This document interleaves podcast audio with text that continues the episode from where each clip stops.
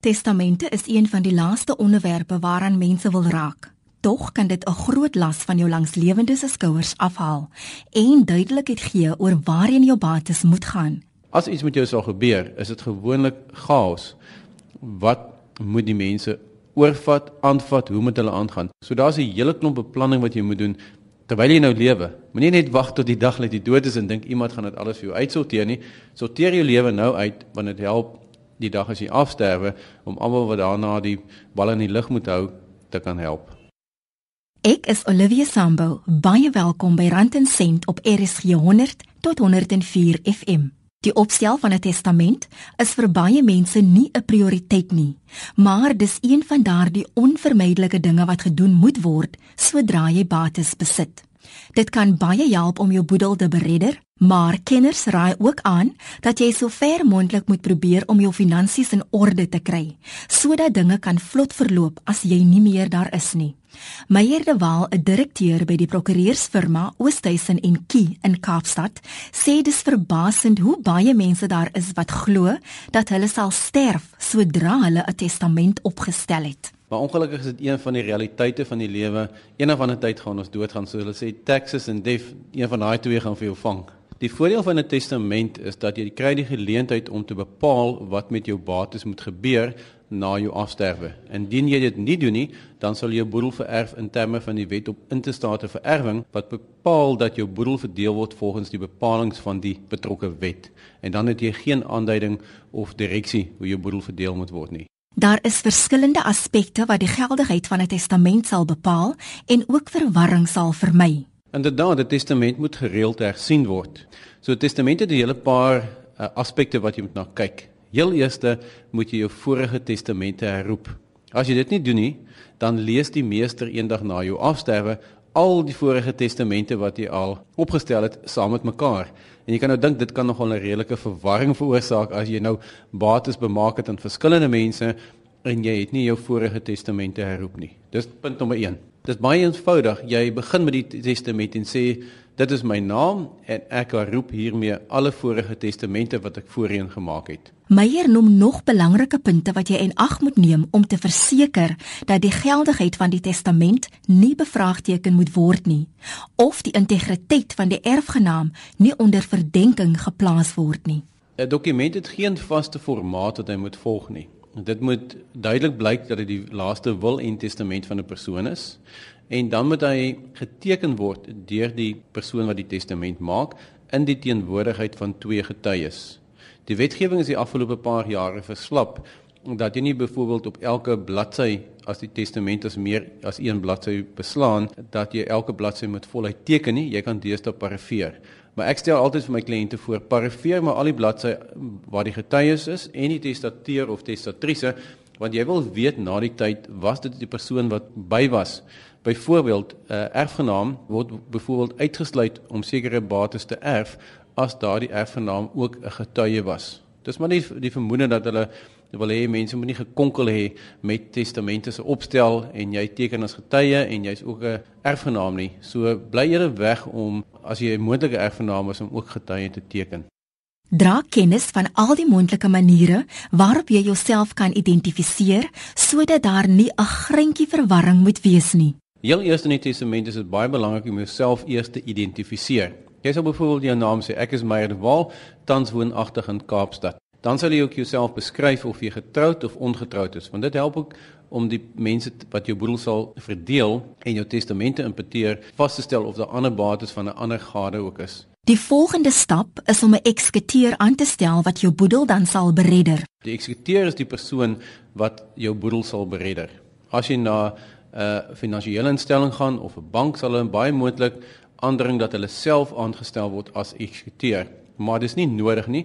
Die langslewende gade kan aangestel word, maar dan sal die meester eendag vereis en dat die langslewende omdat hy of sy geen ondervinding het om 'n boedel af te handel nie, 'n professionele persoon aanstel as sy of haar agent. So uh, moenie laat iemand vir jou 'n uh, storie vertel en dat hulle aandring dat 'n professionele maatskappy soos 'n bank of byvoorbeeld aangestel word as eksekuteur nie. Want op die einde van die dag kom dit neer op die fooie van die boedel. En so sê Meyer de Waal van Oosthuizen en Kie. Jy's ingeskakel op Rand en Sent op RSG 100 tot 104 FM met my Olivia Sambu. Baie welkom as jy sopas ingeskakel het.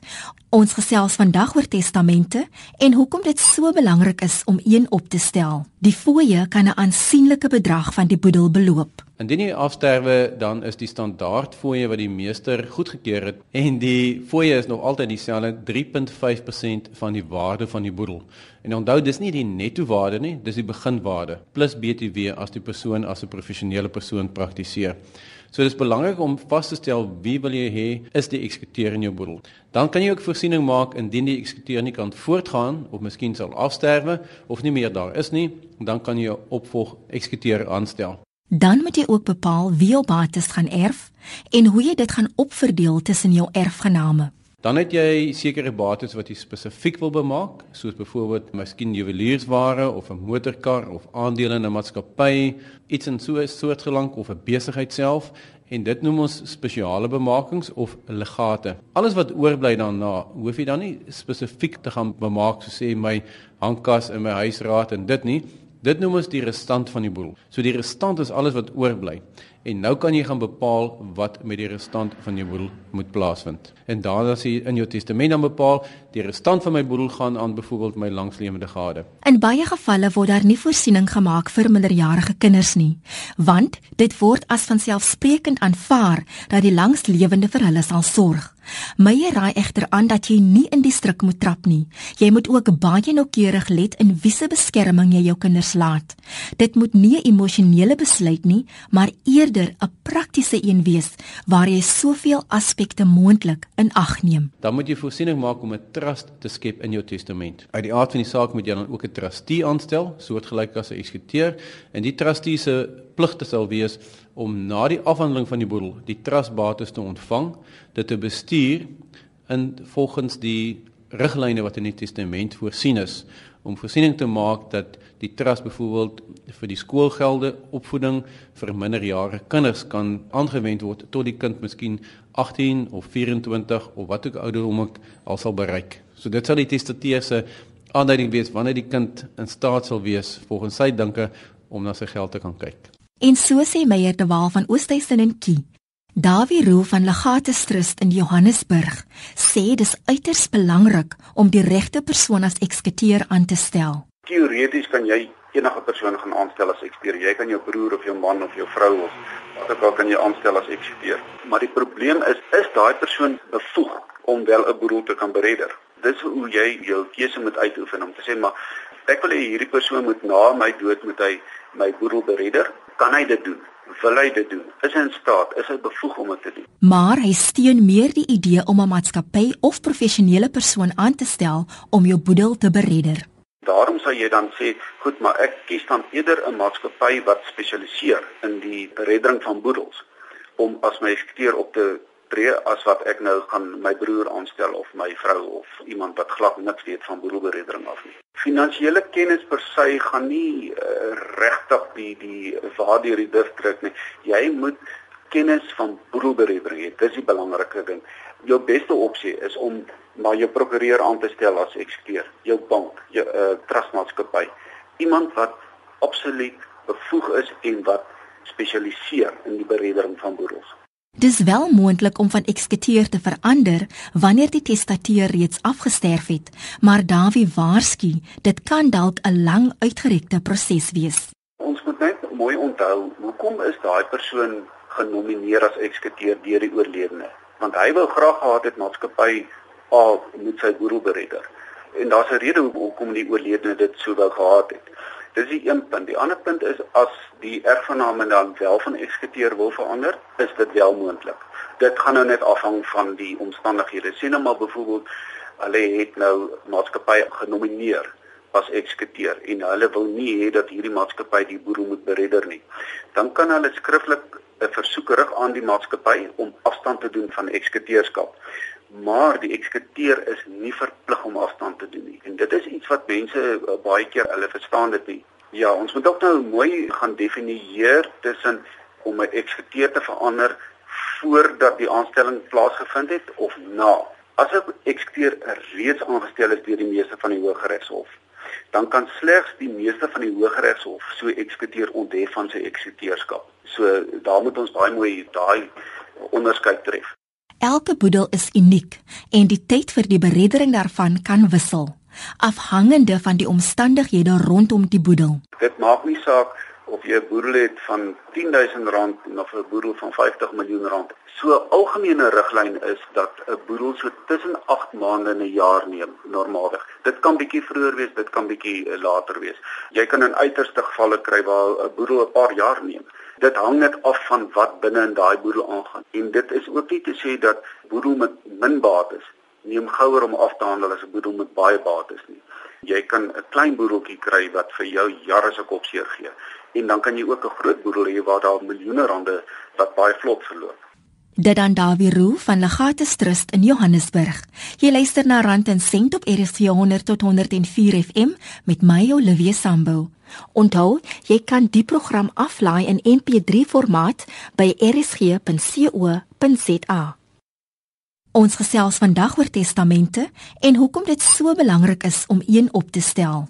Melanie Freeman woon in Atlantis langs die Weskus. Albei haar ouers het in te staat gesterf. Met haar pa se sterfte was hulle veel jonger, maar sy kan onthou dat haar ma gereeld na die meesters moes gaan om die boedel uit te sorteer. Haar ma is vroeër die jaar oorlede en die verantwoordelikheid om die boedel te beredder rus nou op haar skouers. En dit plaas Melanie in 'n baie moeilike situasie, want sy het geen finansiële kennis nie. Die dood van haar ma was 'n groot terugslag en tot dusver was dit vir haar te emosioneel om na die meesters te gaan.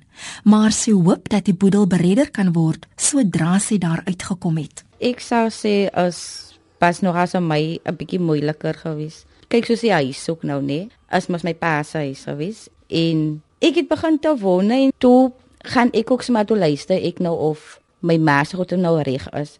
Die huis actually oorgedra is op my ma se naam te sê die ou van my huis. So ek hoef veel te worry nie. Dit is op my ma se naam. Ah wat ek net moet maak is ek moet ma se toe gaan met ma en pa se doodsertifikaat in hulle IDs. Ek dan nou actually af wanneer ek nou na die masters toe gaan en daarvan daarvoor moet nou verder gevat. Hoeveel kinders is julle? Ons is 5 kinders en 4 kleinkinders ek weet nou nie maar die huis moet op een van ons kinders se name kom. Um ons het nog nou nie besluit nie op wie se naam dit gaan kom nie, maar ons moet dringend by mekaar kom en dit uitsort van môre oor môre dan is dit te laat en dan waan toe gaan almal. Intussen hoop Melanie vir 'n spoedige oplossing vir haar en haar naasbestandes.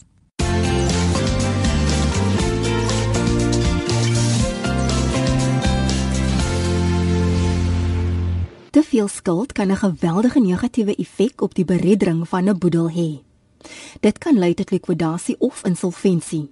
MC De Tooy van Klemaat Afslaers in Kaapstad verduidelik hoe likwidasie en insolventie werk wanneer 'n boedel beredder moet word. Kyk, die proses van likwidasie en insolventie is 'n regse aspek waar die likwidateure en en trustees in die boedels vir jou meer inligting van agter die gordyne kan gee wat gebeur is hulle het vergaderings en hulle moet magte uitreik om te verkoop. So dit gebeur nie wanneer 'n persoon insolvent verklaar word dat sy huis môre op veiling gaan wees. En daar's 'n proses wat gevolg moet word en ons kry dan die instruksie van die likurateur of die trustee om voort te gaan met die verkoop van die eiendom. Wanneer dit die geval is, is daar klein verskille in die termes van die verkoop, maar dit is min of meer dieselfde as 'n normale verkoop deur 'n gewone um, huiseienaar wat sy eiendom op uh, in die mark sit en deur ons wil verkoop. Daar's verskille in die depositos en die kommissies wat neergesit moet word.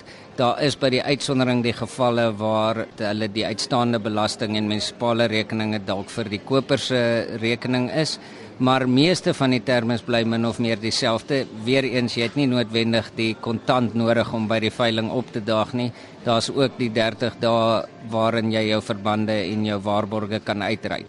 Dit kan 'n baie pynlike ervaring vir die naasbestandes wees en dikwels vind hulle dit moeilik om hulle samewerking te gee.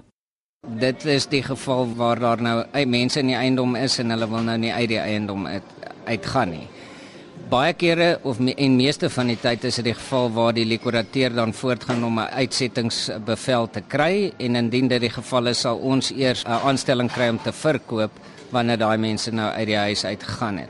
Indien dit nie die geval is nie, sal die kopers baie wel baie goed weet want ons sal nie toegang hê tot die huis nie. Dan kan die koper koop op sy eie risiko. Dit is 'n risiko wat die koper dan doen. Basies wat gebeur is jy koop dit met die huidige inwoners in die huis en dan is dit die koper se verantwoordelikheid om daai eienaar of uh, daai mense wat in daai huis bly op daai stadium uit te sit. Dan is daar ook die moontlikheid dat daar op eiendom en bates beslag gelê kan word. Kyk, likurateurs moet die krediteure se belange beskerm. So om beslag te lê op eiendomme in terme van bates Dit beteken om seker te maak dat die bates nou byvoorbeeld nie uh, beskadig word nie en dat die waarde nou nie verminder word op hierdie bates nie. Hoe die proses eerstens werk is al word vir ons gesê om 'n waardasie te doen. Dit is nie noodwendig dan beslag lê op, op op die bates nie. So ons doen eers 'n waardasie. Indien hulle dan vir ons sê, "Oké, okay, maar jy moet asseblief vir ons seker maak dat die bates veilig is." Dan sal ons die bates in storage insit. En dit is dan nou om dit net te beskerm en om die krediteure se belange te beskerm. So dit is ingevalle en gewoonlik weet die persoon wat insolvent is of gelikwideer is dat dit die geval gaan wees. Partykeere bly die bates op die perseel Indien daar 'n huurkontrak is, word daar ooreengekom met die eienaar van die gebou dat die bates bly op die perseel, maar 'n wag word byvoorbeeld daar gesit om seker te maak dat die die bates veilig is. Dit was MC De Tooi van Kleemaat Afslaers in Kaapstad.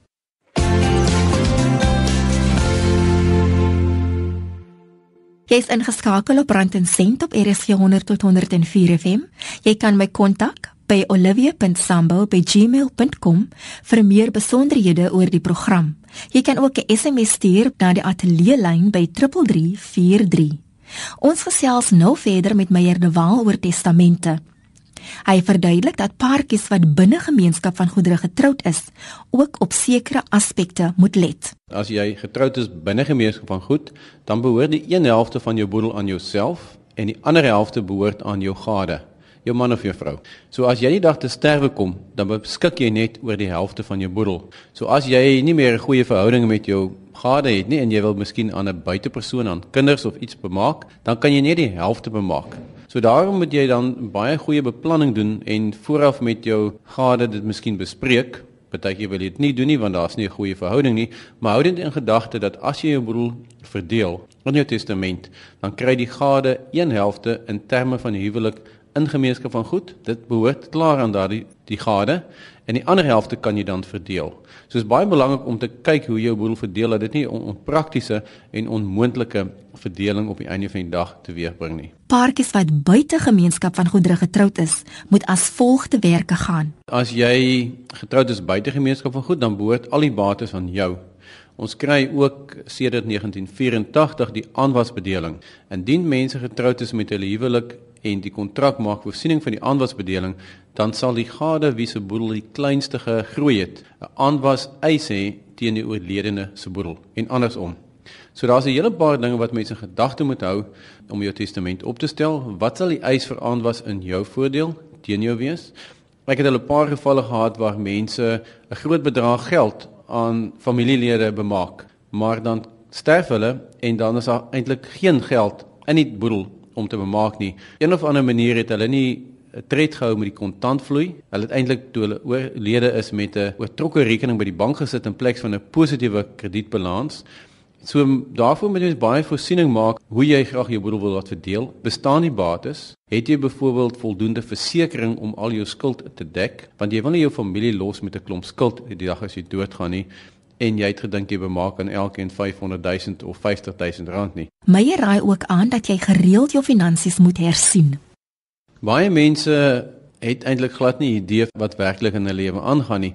En dis eintlik 'n baie goeie ding om 'n lys te maak elke nou en dan van wat is my bates, wat is my laste, is my laste en my skuld gedek deur versekerings het ek miskien 'n klomp klein onnodige versekeringspolisse wat elkeen klein klein bedrag gaan uitbetaal maar wat my eintlik baie geld in die maand kos om te dra. So gaan praat met 'n versekeringsmakelaar om jou die regte advies daar te gee. Maar gemaak 'n lys gereeld om te weet eintlik waar staan jy indien jy vandag sal sterf. Want daai lys kan jy ook byvoorbeeld by jou waardevolle dokumente bære. As iets met jou sal gebeur, is dit gewoonlik chaos. Wat moet die mense oorvat, aanvat, hoe moet hulle aangaan? Daar is oneindig baie dinge wat jy moet uitsorteer en ongelukkig kan dit nie ignoreer of uitgestel word nie.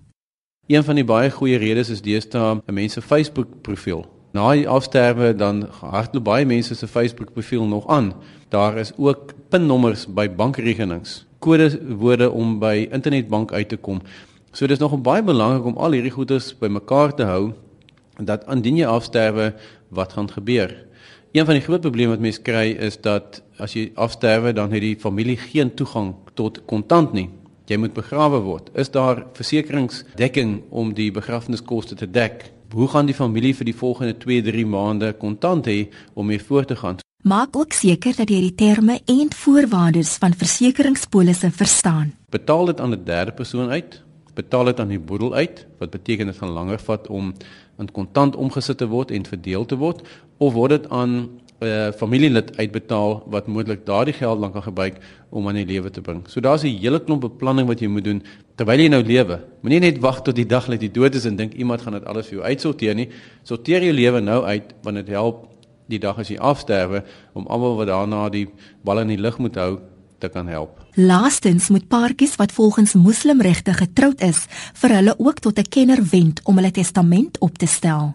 Ons voorstel is dat mense 'n spesialis moet gaan sien wat met die Sharia law goeie agtergrond het en eintlik heeltemal weet hoe dit werk want dit is 'n redelike komplekse verdeling van 'n boedel en hulle het redelike streng riglyne hoe 'n testament opgestel moet word. So my voorstel is om iemand te gaan sien binne die geloof wat vir jou dan kan help om die testament op te stel. En dit is juis hoekom die wetsgenootskap van Suid-Afrika dan besluit het om in die week van September 'n nasionale gratis testamente veldtog te loods. Baie mense is geïntimideer om 'n prokureur te gaan sien. Hulle sien net daar is klomp geld wat jy moet betaal om 'n prokureur te gaan sien om 'n testament op te stel.